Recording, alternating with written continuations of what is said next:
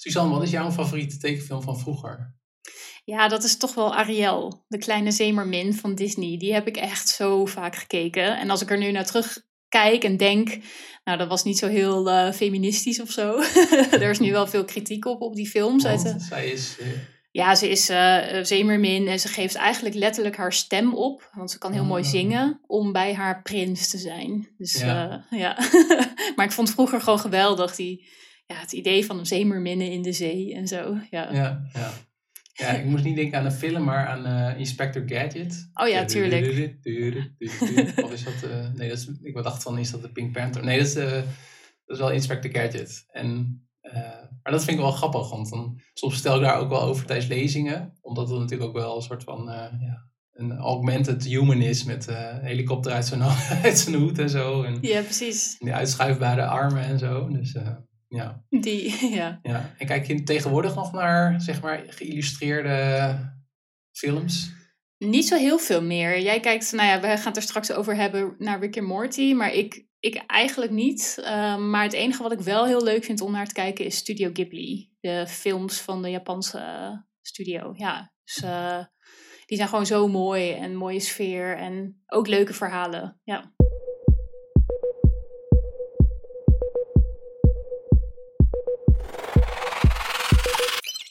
Bij de podcast Supermens. Ik ben Peter Joosten.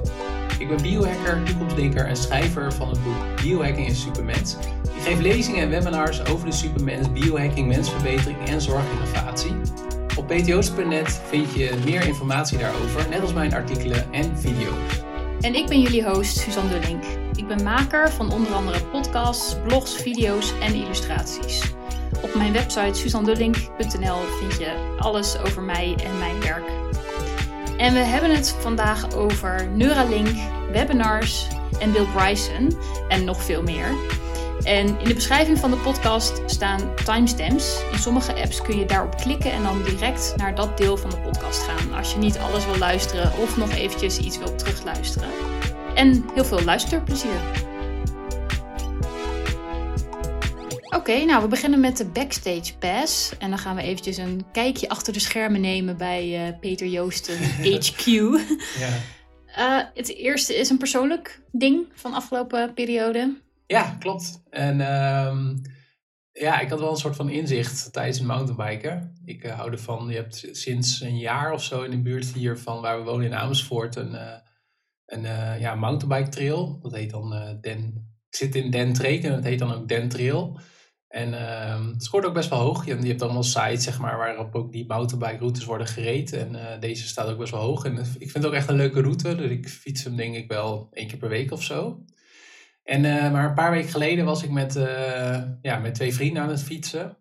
Peter, en dat is, moet ik erbij zeggen, die is ook militair. en Wietse, die, ja, die zwemt op, op nationaal niveau, NK's en zo. En ja, ik heb zelf wel een redelijke conditie, maar bij die jongens ehm, ja, viel het toch wel een beetje, beetje tegen. Dus ik zat echt gewoon constant zeg maar, op, mijn, uh, op mijn max. Dus zij fietste voor mij en ik moest echt alle zeilen bijzetten om, uh, om bij te blijven. En toen merkte ik toch wel van, ja, als je echt heel, zo'n hele harde fysieke inspanning moet doen, dan uh, ja, heb je wel gewoon wat minder controle. Dus op een gegeven moment was er een bocht.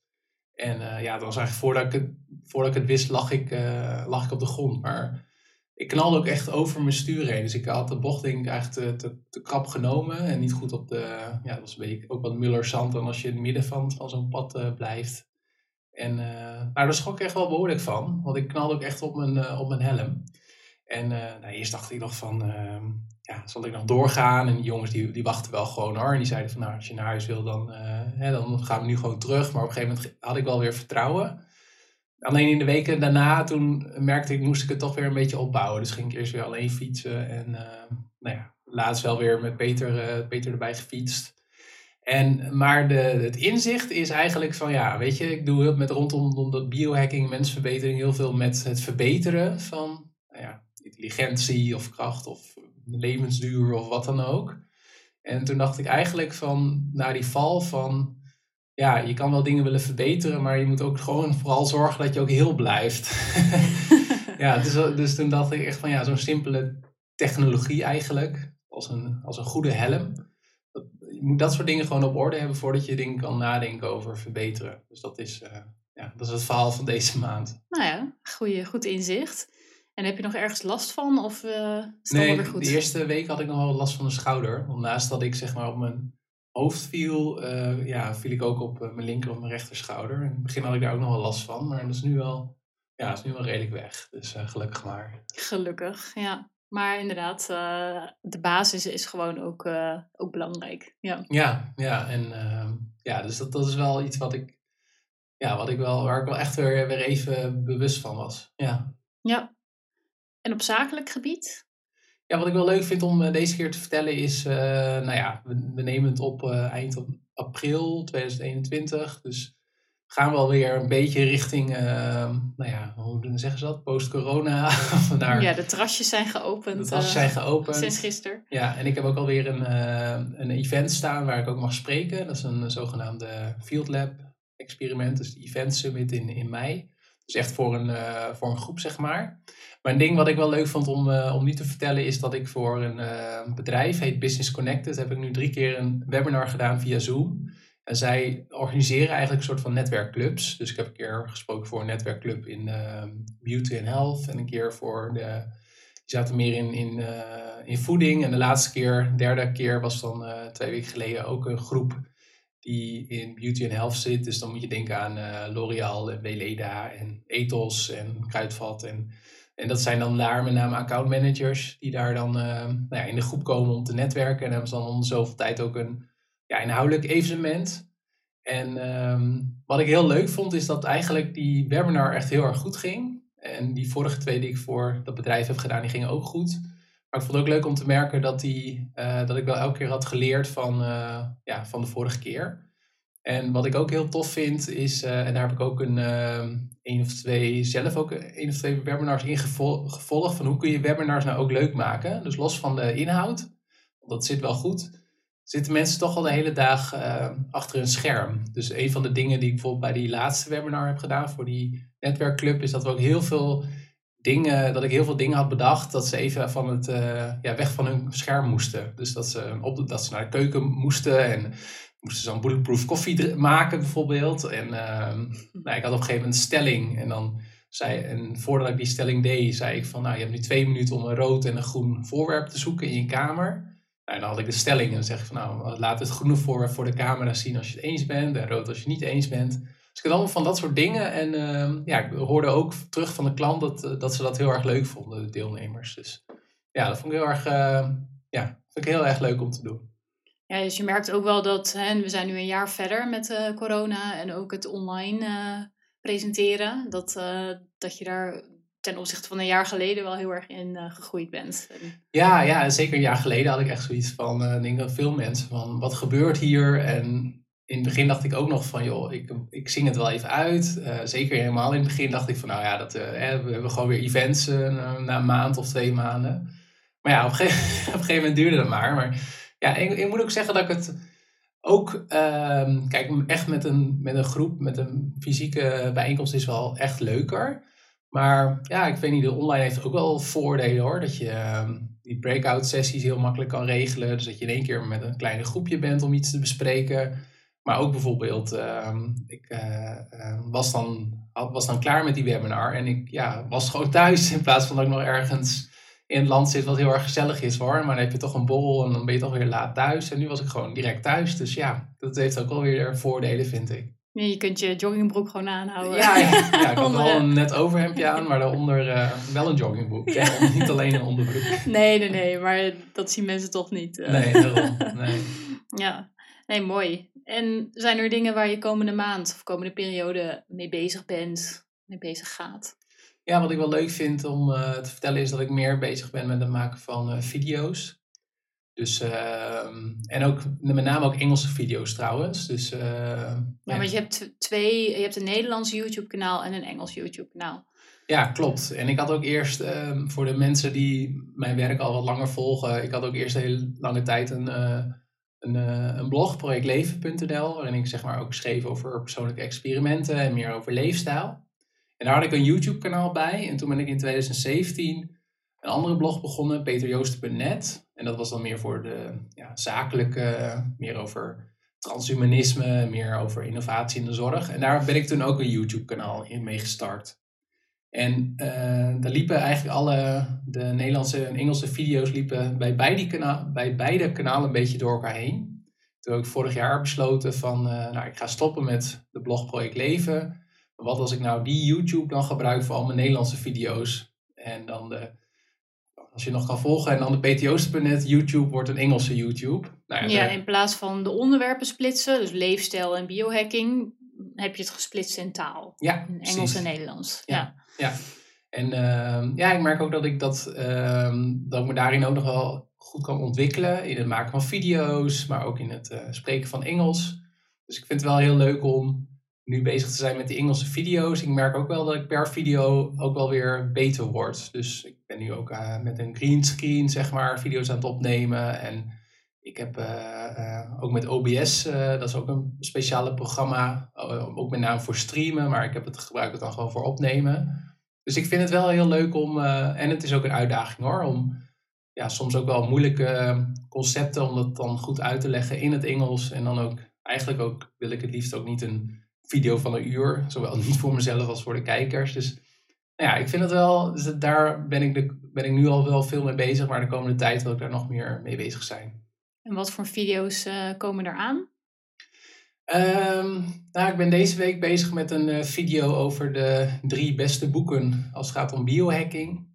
Ik heb ook een uh, video gemaakt over de beste films als het gaat om transhumanisme in een aantal thema's. En, uh, nou, en ik, ook, ik heb bijvoorbeeld ook een video, ben ik mee bezig, moet nog afmaken over wat, welke vijf dingen heb ik nou geleerd van het boek Homo Deus van uh, Harari. Dus het, zijn, het, zit een beetje in die, uh, in die hoek. Ja, nou mooi. Ja. We kijken er naar uit. Pun intended. Ja. dan gaan we dan door naar de deep dive. Dus dan duiken we wat dieper uh, op één onderwerp. Um, en deze keer gaan we het hebben over Neuralink. Wat wil je daarover vertellen? Nou, ik wil eerst wel aan jou vragen. Wat is jouw beeld daarbij? Bij Neuralink? Ja. Nou ja, dan moet ik gewoon gelijk denken aan Elon Musk natuurlijk. En ja, uh, ja dat, dat ik het idee heb dat hij uh, heel optimistisch daarover is. Van nou, volgens mij kunnen we over vijf jaar of tien jaar al uh, alle hersenaandoeningen met een chip.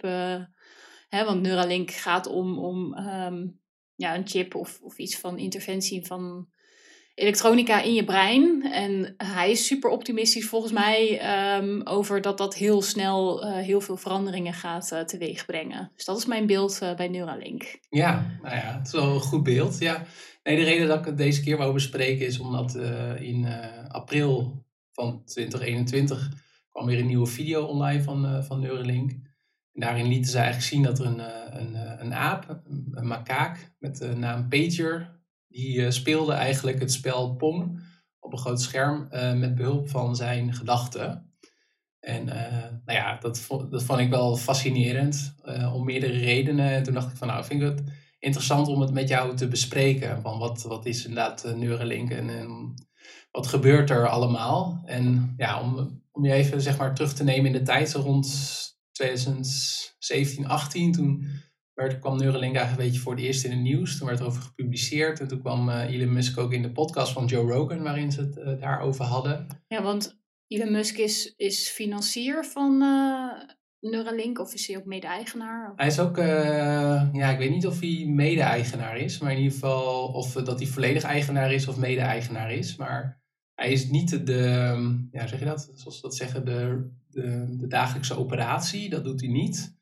Maar hij is wel de, ja, de eigenaar en het uithangsbord. En hij heeft er zelf volgens mij ook voor 100 miljoen euro, dollar in geïnvesteerd. Dus, okay. uh, ja. ja, en hij is wel, ja, hij is er, hij is er, zeg je dat? Hij, hij genereert er heel veel aandacht mee. dus ja. dat, is, uh, nou ja, dat is iets wat je Musk wel kan toevertrouwen.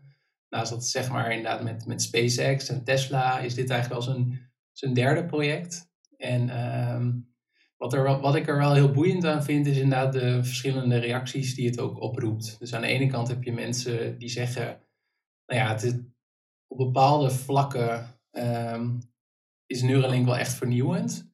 Als het bijvoorbeeld gaat over, ze hebben een methode dat ze daadwerkelijk uh, een robot hebben, of dat die ontwikkelen ze en die, die naait als het ware kleine draadjes door de schedel heen en dan in de hersenen.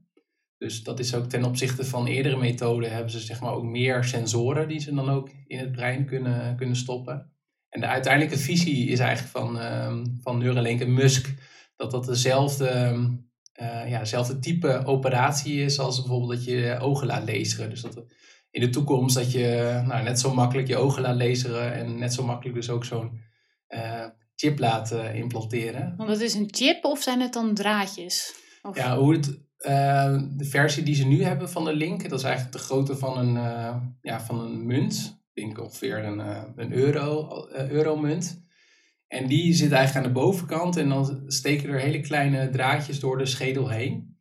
En die munt is, heeft dan ook weer een Bluetooth-verbinding naar bijvoorbeeld een, een smartphone-app of iets anders. Ja. En dat okay. hebben ze dus ook bij, die, bij Pager, de makaak, aangebracht. Zowel aan de linker als de rechterkant van zijn, van zijn brein.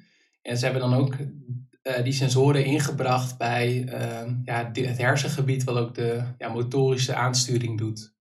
En wat ze toen hebben gedaan is, ze hebben eigenlijk hem een spel laten spelen, Pong in eerste instantie met een joystick.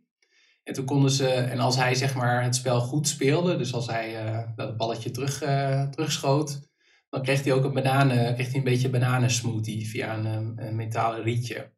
Dus uh, voor hem was het zeg maar ook de, ja zeg je dat, de, de beloon. Dus hij ging, heel, hij, ja, ging heel erg zijn best doen om te zorgen dat het balletje zo lang mogelijk in het spel blijft. En toen heeft zeg maar die software van Neuralink, die ging op een gegeven moment dan kijken van, nou ja, op het moment dat hij zijn als een joystick een bepaalde kant op beweegt, dan zien wij ook die ja, elektrische activiteit in dat hersengebied. Mm-hmm. En nou ja, toen is dat systeem hebben ze getraind, zeg maar. En op een gegeven moment uh, ja, was het niet, hebben ze de verbinding van die joystick uitgezet. En dacht, die, dacht Pager, de makaak, nog dat hij aan het spelen was. Maar gingen zeg maar puur op basis van de, ja, de, de her, zijn hersensignalen dat hij het spel kon spelen. Ja, precies. Dus uh, ja, dus dat is wel... Uh, ja, wel fascinerend dat, dat, dat het kan. Uh, aan de andere kant zijn er ook hersenonderzoekers die zeggen van ja, zo nieuw is dat allemaal niet. En we doen al regelmatig uh, testen met, met, ja, met apen.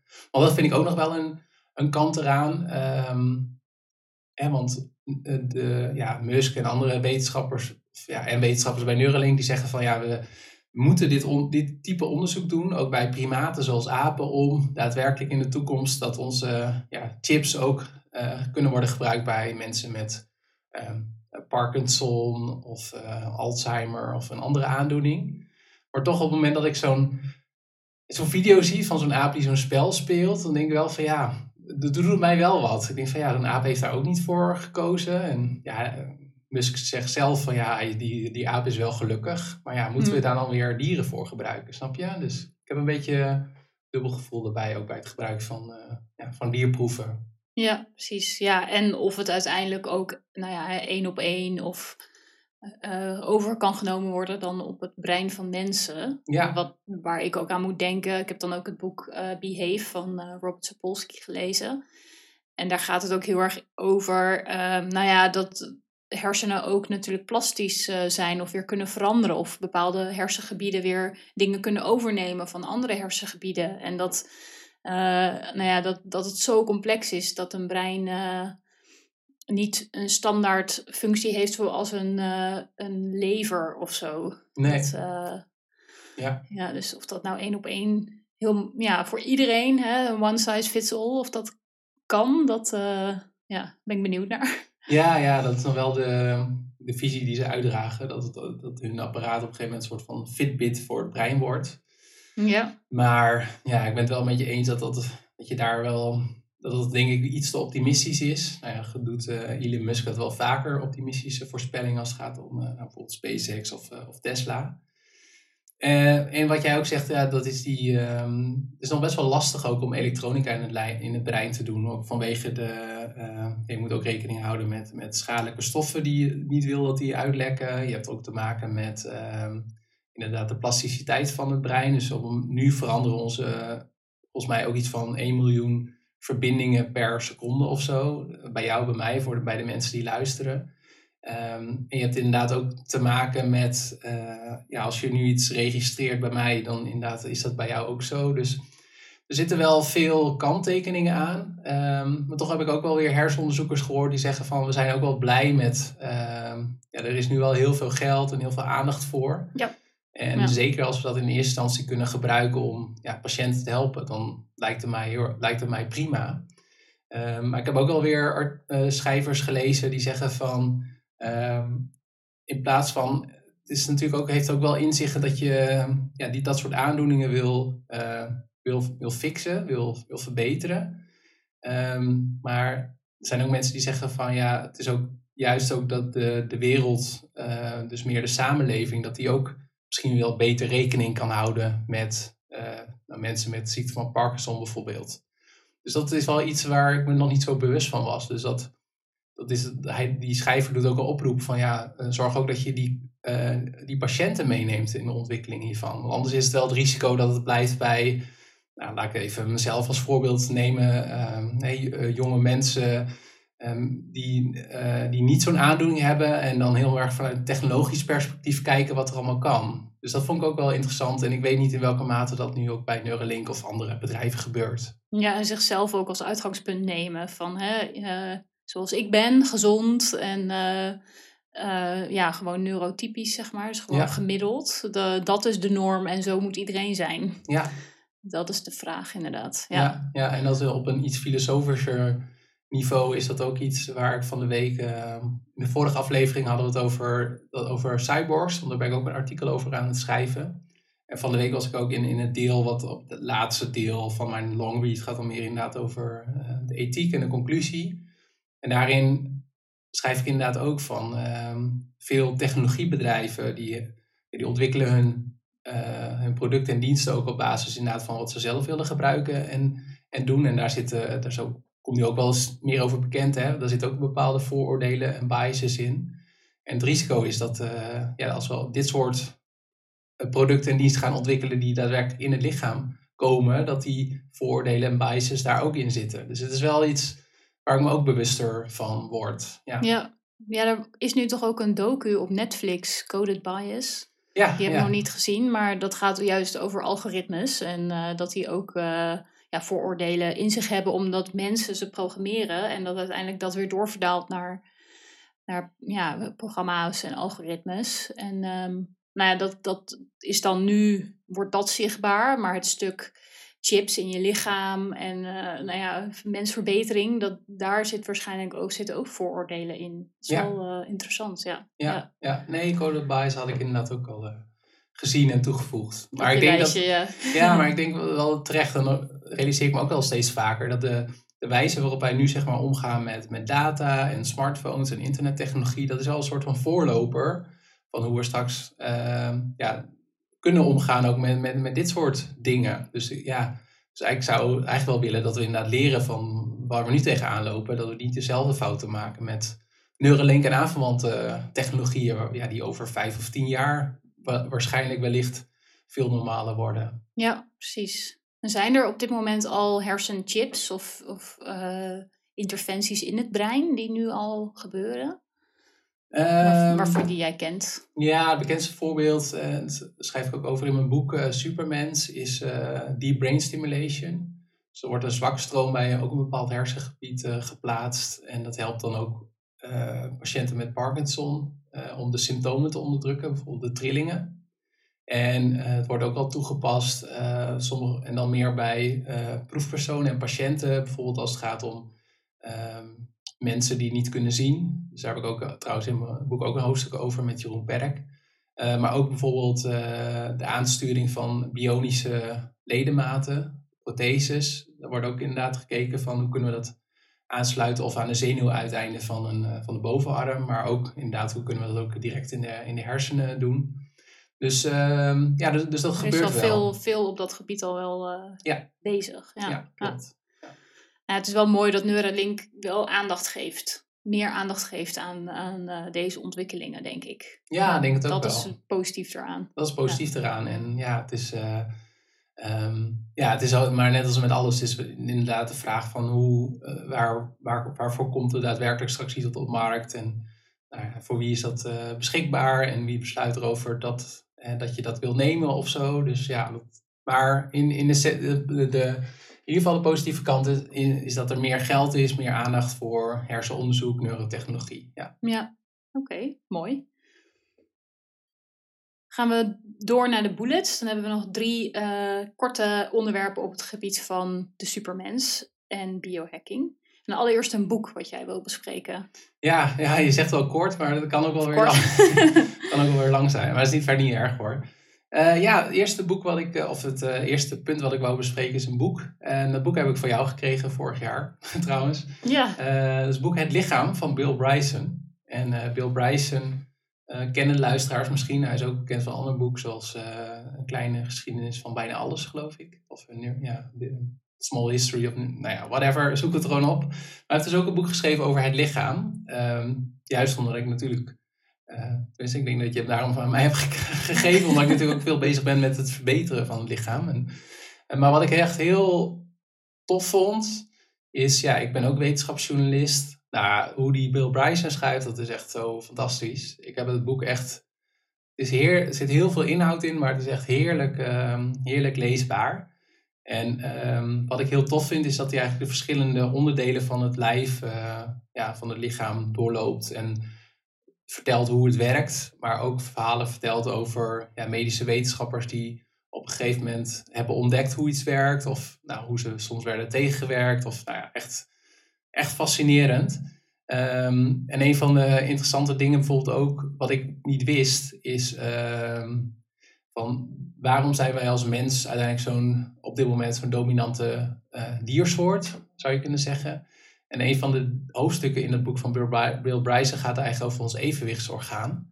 En er zijn dus ook uh, wetenschappers die denken van, ja, afgezien van, van ons brein en ja, dat we kunnen samenwerken met, met anderen en dat we geloven in fictieve verhalen, is ook dat we dat evenwichtsorgaan hebben, dat we kunnen rennen en werpen, omdat we op twee uh, benen lopen, is dat wat, wat ons onderscheidend maakt ten opzichte van andere diersoorten. Dus dan van dat soort, uh, ja, dat soort feitjes en, en verhalen, dat, uh, ja, dat maakt het gewoon echt een heerlijk boek om te lezen. En heb je er ook wat op, van opgestoken voor hè, je, je werk als, als, als journalist en schrijver en podcaster? Je bedoelt meer in de vorm of meer in de inhoud? Uh... Meer in de inhoud, qua hè, op het gebied van mensverbetering of biohacking. Dat je denkt, oh, dat uh, vind ik ook nog wel een mooie aanvulling van dit wist ik nog niet van de mens of, of de biologie van de mens. Ja, ik, eh, er was een stuk over nieuw bloed. Daar ben ik al een tijdje wel in, in gefascineerd. Van kunnen we ook kunstmatig bloed maken? Daar ging een stuk over. Maar wat ik ook heel tof vond, en dat sluit weer aan over de cyborgs waar ik net over had is eigenlijk de ontwikkeling van de pacemaker. En uh, ik kan hem wel even, even opzoeken, live. Maar wat ik daar heel leuk aan vind, um, want de pacemaker, en daar hebben we het al vaker over gehad, dat is gewoon om mensen te helpen. En nou, Cyborg gaat er dan meer over van, kun je ook elektronica in je lijf stoppen om te verbeteren. Maar het verhaal van de pacemaker is leuk, want uh, ik lees even een stukje voor. In 1958 knutselde de Zweedse ingenieur Rune Elmqvist die samenwerkte met chirurg Ake Senning, uh, aan zijn keukentafel een paar experimentele hartsimulators in, in, elkaar. En die werd ingebracht bij Arne Larsson, een patiënt van 43 jaar. En die was ook de dood nabij vanwege een hartritmestoornis, vanwege een virusinfectie. En dat eerste, ja, het eerste exemplaar, zeg maar, die aan de keukentafel is ontwikkeld in 1958, die begaf het ook daar een paar uur. Zo. en, en, toen hadden ze een backup en die hield het dan drie jaar vol. Maar dan moesten regelmatig de batterijen vervangen en zo. Wat ik het meest fascinerend vind aan, aan de, eigenlijk de, ja, de eerste pacemaker, is dat die patiënt, dus eh, Arne Larsson, die is uiteindelijk op 86-jarige leeftijd overleden. Die had toen zijn 27e pacemaker in. En die heeft uiteindelijk langer geleefd dan de ontwikkelaar van de pacemaker en die chirurg. Wauw. Dus uh, nou, dat vond ik een, mooi verhaal van hoe iets begint. Uh, ja, ook een soort van knutselen. En nou ja, hoe dat iemand echt jaren extra leven heeft gegeven. Dus dat, vond ik, dat is een van de verhalen die mij wel is bijgebleven. Ja, mooi voorbeeld. Ja, tof. Ja. Nog andere dingen over het boek? Moeten mensen het gewoon gaan lezen? Ja, mensen moeten vooral lezen. En wat, wat ik ook heel knap vind aan het boek uh, of aan Bill Bryson, is dat hij ook soms schrijft over enorme flaters. Dus uh, dan gaat het over aderlating bijvoorbeeld. En ook de, de, ja, de reden, argumenten die mensen vroeger hadden om te denken dat aderlating, dus dat je gewoon nou, liters bloed uh, uit iemands lichaam laat stromen, dat dat kan helpen met bepaalde aandoeningen. En dat soort, dat soort voorbeelden, dat, uh, dat zitten er ook in. Dus ik heb ook wel eens uh, ja, gelachen en gegniffeld. en ja, zoals verhalen van die pacemaker wel echt zo van, wow, dat dat gewoon, uh, wat een verhaal. Ja. ja. Ja, er zitten natuurlijk, of het kan goed gaan, maar ook heel erg verkeerd gaan. Ja, ja. Maar ja, dat, dat hoort erbij, bij de, het ontdekken van uh, hoe dingen werken natuurlijk. Ja, en ook het, denk me nog het allerbelangrijkste is eigenlijk dat ik me ook door dit boek wel realiseer van, uh, ik ben natuurlijk veel bezig met de maakbare mens, maar als je ziet hoeveel dingen in het lichaam al gewoon zo goed gaan door evolutie en natuur, dan denk ik ook van ja, we weten ook zoveel dingen nog niet. Dus dat is ook wel een soort van uh, nuancering van mijn eigen expertise. ja, ja, ja. Gewoon dat het zit zo complex in elkaar. Ja, precies. En als je daarmee gaat, aan gaat sleutelen, wat doe je dan? Misschien ontbreek je dan ook allemaal uh, systemen die er zijn, maar die we nog niet kennen. Ja, ja. inderdaad. Ja. Mooi. Dus het lichaam van Bill Bryson, aanrader. En het tweede bullet is iets over persoonlijke ontwikkeling. Ja, ik las, uh, die blog staat al een tijdje online hoor, maar een artikel van uh, Tim Urban van Taming the Mammoth. Why you, Why should you caring about what other people think? dus de titel heeft het al in zich. Um, maar wat ik heel leuk vond, want het deed me denken aan een. Uh, ik heb laatst ook het luisterboek, een nieuwe luisterboek geluisterd van Cal Newport. Cal Newport had heeft een boek uit en die heet uh, A World Without Email. En daarin schrijft hij eigenlijk over um, ja, hoe het zo is dat uh, heel veel kenniswerkers zo veel bezig zijn met e-mail, waarom het zo belangrijk is. En waarom het zo'n impact heeft op ons leven. En een van de dingen waar hij over schrijft, Kel Newport, is dat we. Het zit heel, heel erg diep in ons als mens. Dat we ons heel erg zorgen maken over de sociale cohesie. En wat andere mensen van ons vinden en denken. Want dat is ook. Ja, dat was vroeger, zeg, zeg maar, toen we echt in, in tribes, hoe heet dat? In stammen. In stammen ja. leefden, was het echt super belangrijk. Want dan gaat het wel om, om hiërarchie en nou, of andere mensen je aardig vinden. En nou, Kel Newport schrijft dan over van ja, dat heeft ermee te maken dat je uh, ja, je heel erg rot voelt op het moment dat je niet snel e-mails beantwoordt of geen e-mails beantwoordt. En ik heb er zelf ook wel last van. Maar dat zit dus ook in het stuk van Tim Urban, dat, dat, dat hij schrijft van ja, het, zit, het is evolutionair dat wij ons heel erg druk maken, dat we heel erg bezig zijn met hoe anderen over ons denken. Maar ja, je raadt het al, in zijn stuk gaat het meer over dat dat tegenwoordig onzin is en dat ja, de grote eye-opener voor mij was... Uh, eye-opener, iets wat ik me wel realiseerde, maar toen ik het las dacht ik, oh ja, dat is ook zo. Want mensen zijn heus niet de hele tijd met mij bezig of met jou bezig of iedereen is vooral met zichzelf bezig. Dus, ja. uh, dus dat artikel gaat erover van, nou ja, maak je toch niet zo druk om de, de mammoet. De mammoet is een soort van ja, figuratief idee van uh, uh, de anderen. De anderen en de mening die ze hebben. Ja. Maar ga op zoek naar je, wat je zelf wil, waar je zelf voor staat, wat je, ja, wat je zelf doet. Dus dat vond ik wel echt een, uh, ja, een sterk stuk. En ja, het is geen rocket science of niet heel erg nieuw, maar toch de manier waarop hij dat beschrijft. En ja, toen ik het las, lag, legde ik zelf ook de link met dat, uh, ja, met bijvoorbeeld het werk van Cal Newport en hoe we naar e-mail kijken. Uh, dacht ik wel van ja, dat. Uh, nou ja, en social media. En social media, ja. Ja, e-mail is, uh, is al veel ouder natuurlijk, maar social media is ook heel belangrijk tegenwoordig om te laten zien wat jouw status is in een groep. Ja. Hoe, hoeveel volgers je hebt, zeker onder jongeren, denk ik. Dat, Ja. op school en zo. Dat ja, speelt wel een hele grote rol in, in de sociale ja, cultuur nu gewoon. Ja, Ja, ja en dus dat die ja, makers van die apps daar dan ook slim op inspelen. ja precies. Dat- Op onze evolutionaire angsten en, en gedrag eh, op, op hè, hopen weer op een like en eh, iets nieuws om te kijken. Ja, Ja, precies. Ja. eh, nou ja, dat, dan is dat dus eigenlijk voor iedereen wel een tip om te lezen. Ook voor jongeren of iedereen Ja. die... ja, ik denk dat wel. Het heeft, ja, weet je, ik verval ook nog wel eens heel makkelijk weer in, in, in mijn oude, zeg dat? patronen of Oude overtuigingen. patroon. ja. Maar dan helpen, helpen wij dat dan wel om dat weer even te lezen, maar daar weer even bewust van te zijn. ja, precies. Nou, cool. Ja. Hm.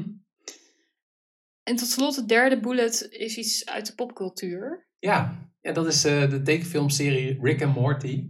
Ja, En bekend. eh, die, eh, volgens mij komt in juni weer een nieuw, een nieuw seizoen. Oké. En het is wel leuk. ehm, dat is eigenlijk een van de dingen die ik, ehm, die ik wel deel met, eh, met Jeroen, mijn broer. En we hebben verder echt wel hele andere levens. Maar we zijn eigenlijk allebei wel, vinden Rick en Morty wel echt heel erg tof. Het gaat Ja, en wel- jullie speelden allebei ook Cyberpunk, toch? Ja. Die game. eh, ja, ja, dus dat heeft weer een linkje met vorige, Vorige podcast, ja. vorige podcast. Ja. Maar Rick en Morty is, ehm, ja, wat er, de humor vind ik wel eh, soms een beetje grof, maar wel heel leuk. Want het gaat over een opa, ehm, eh, Rick. En dan, eh, die is eh, super intelligent en die gaat ook naar andere planeten en andere dimensies. En dan eh, vader en moeder, waarvan de vader een beetje zullig is. En eh, dan de moeder wel een beetje, eh, ja, de, wel, eh, zeg dat, wat dominanter is en een doorzetter is. En dan heb je Morty met zijn zus Su- Summer. En nou ja, gaat ook vooral kijken. Maar wat ik er leuk van vind, behalve van de humor, is dat er af en toe ook best wel wat diepere eh, gedachten in zitten. En dat het soms wat filosofisch is. Dus op een gegeven moment ook een aflevering waarin een beetje de, eh, de moeder Beth wordt gekloond. En dan spelen ze heel erg leuk met het idee van wie is nou de kloon. Want het, een, nou, een van beiden gaat dan naar andere planeten om, eh, om een soort van eh, aanval te doen of zo. Maar er is ook bijvoorbeeld dat ze op een andere planeet een game gaan spelen waarin je eigenlijk een simulatie speelt van een persoon in een ander leven. En nou ja, gewoon, dus dat zijn allemaal van die dingen die ik heel, heel erg leuk vind. Ehm, dus ja, als je, het er staat op Netflix en in juni komt volgens mij een nieuw seizoen uit. Dus daar ben ik ook wel heel erg eh, nieuwsgierig naar. Maar ja, deze wel, Rick en Morty wilde ik eh, tippen deze keer. Ja, ze zijn ook wel origineel in de zin, of ze werken het wel mooi uit, dat soort thema's dan ook. Eh, Ja. ja. Ja. Het, het wel aan het denken zetten. En ik denk ook een breed publiek aanspreken daarmee. Ja, Ja, ja en eh, nou ja, om het een cirkeltje rond te maken, Elon Musk heeft ook nog een bijrol, maar dan als Oh ja. Elon Tusk. Want dan heeft hij ook heeft hij twee van die grote tanden, zo'n die Tusks, hoe heet dat, Oh die ja. slagtanden. Nou, ja, ja. dus die, ja, dus dan, dat vind ik dan ook wel erg grappig. Net zoals wij natuurlijk ook, eh wij hebben samen ook Big Bang Theory gekeken. Dat dan Stephen Hawking of Neil deGrasse Tyson. Die komen er weer in terug en zo. en ook Elon. Musk trouwens. En Ja, inderdaad. het kan ook, zeg maar, want dat soort gastoptredens kan ook wel een beetje eh, zo van flauw zijn. Maar in ieder geval in de Big Bang Theory en ook wel in eh, Rick and Morty vond ik het wel echt een toevoeging. Vond ik dat wel heel leuk. Ja, ja, precies. Vond ik ook. Dus eh, met name die, die, dat Sheldon, toch? Ruzie had met Neil deGrasse Tyson. Of was het eh, Ja. Howard? Nee, ik weet het ook niet meer. Ik weet het niet meer, het is alweer even geleden. Maar inderdaad, ze maakten er elke keer wel weer echt wat leuks van. Ja, niet, ja. niet zo van, kijk, ons eens even weer een bekende persoon hebben. Maar Ja, Ja. En wel echt een toevoeging aan het verhaal. Ja, maar goed, ja, dat eh weer even een zijstapje. Ja. oké, top.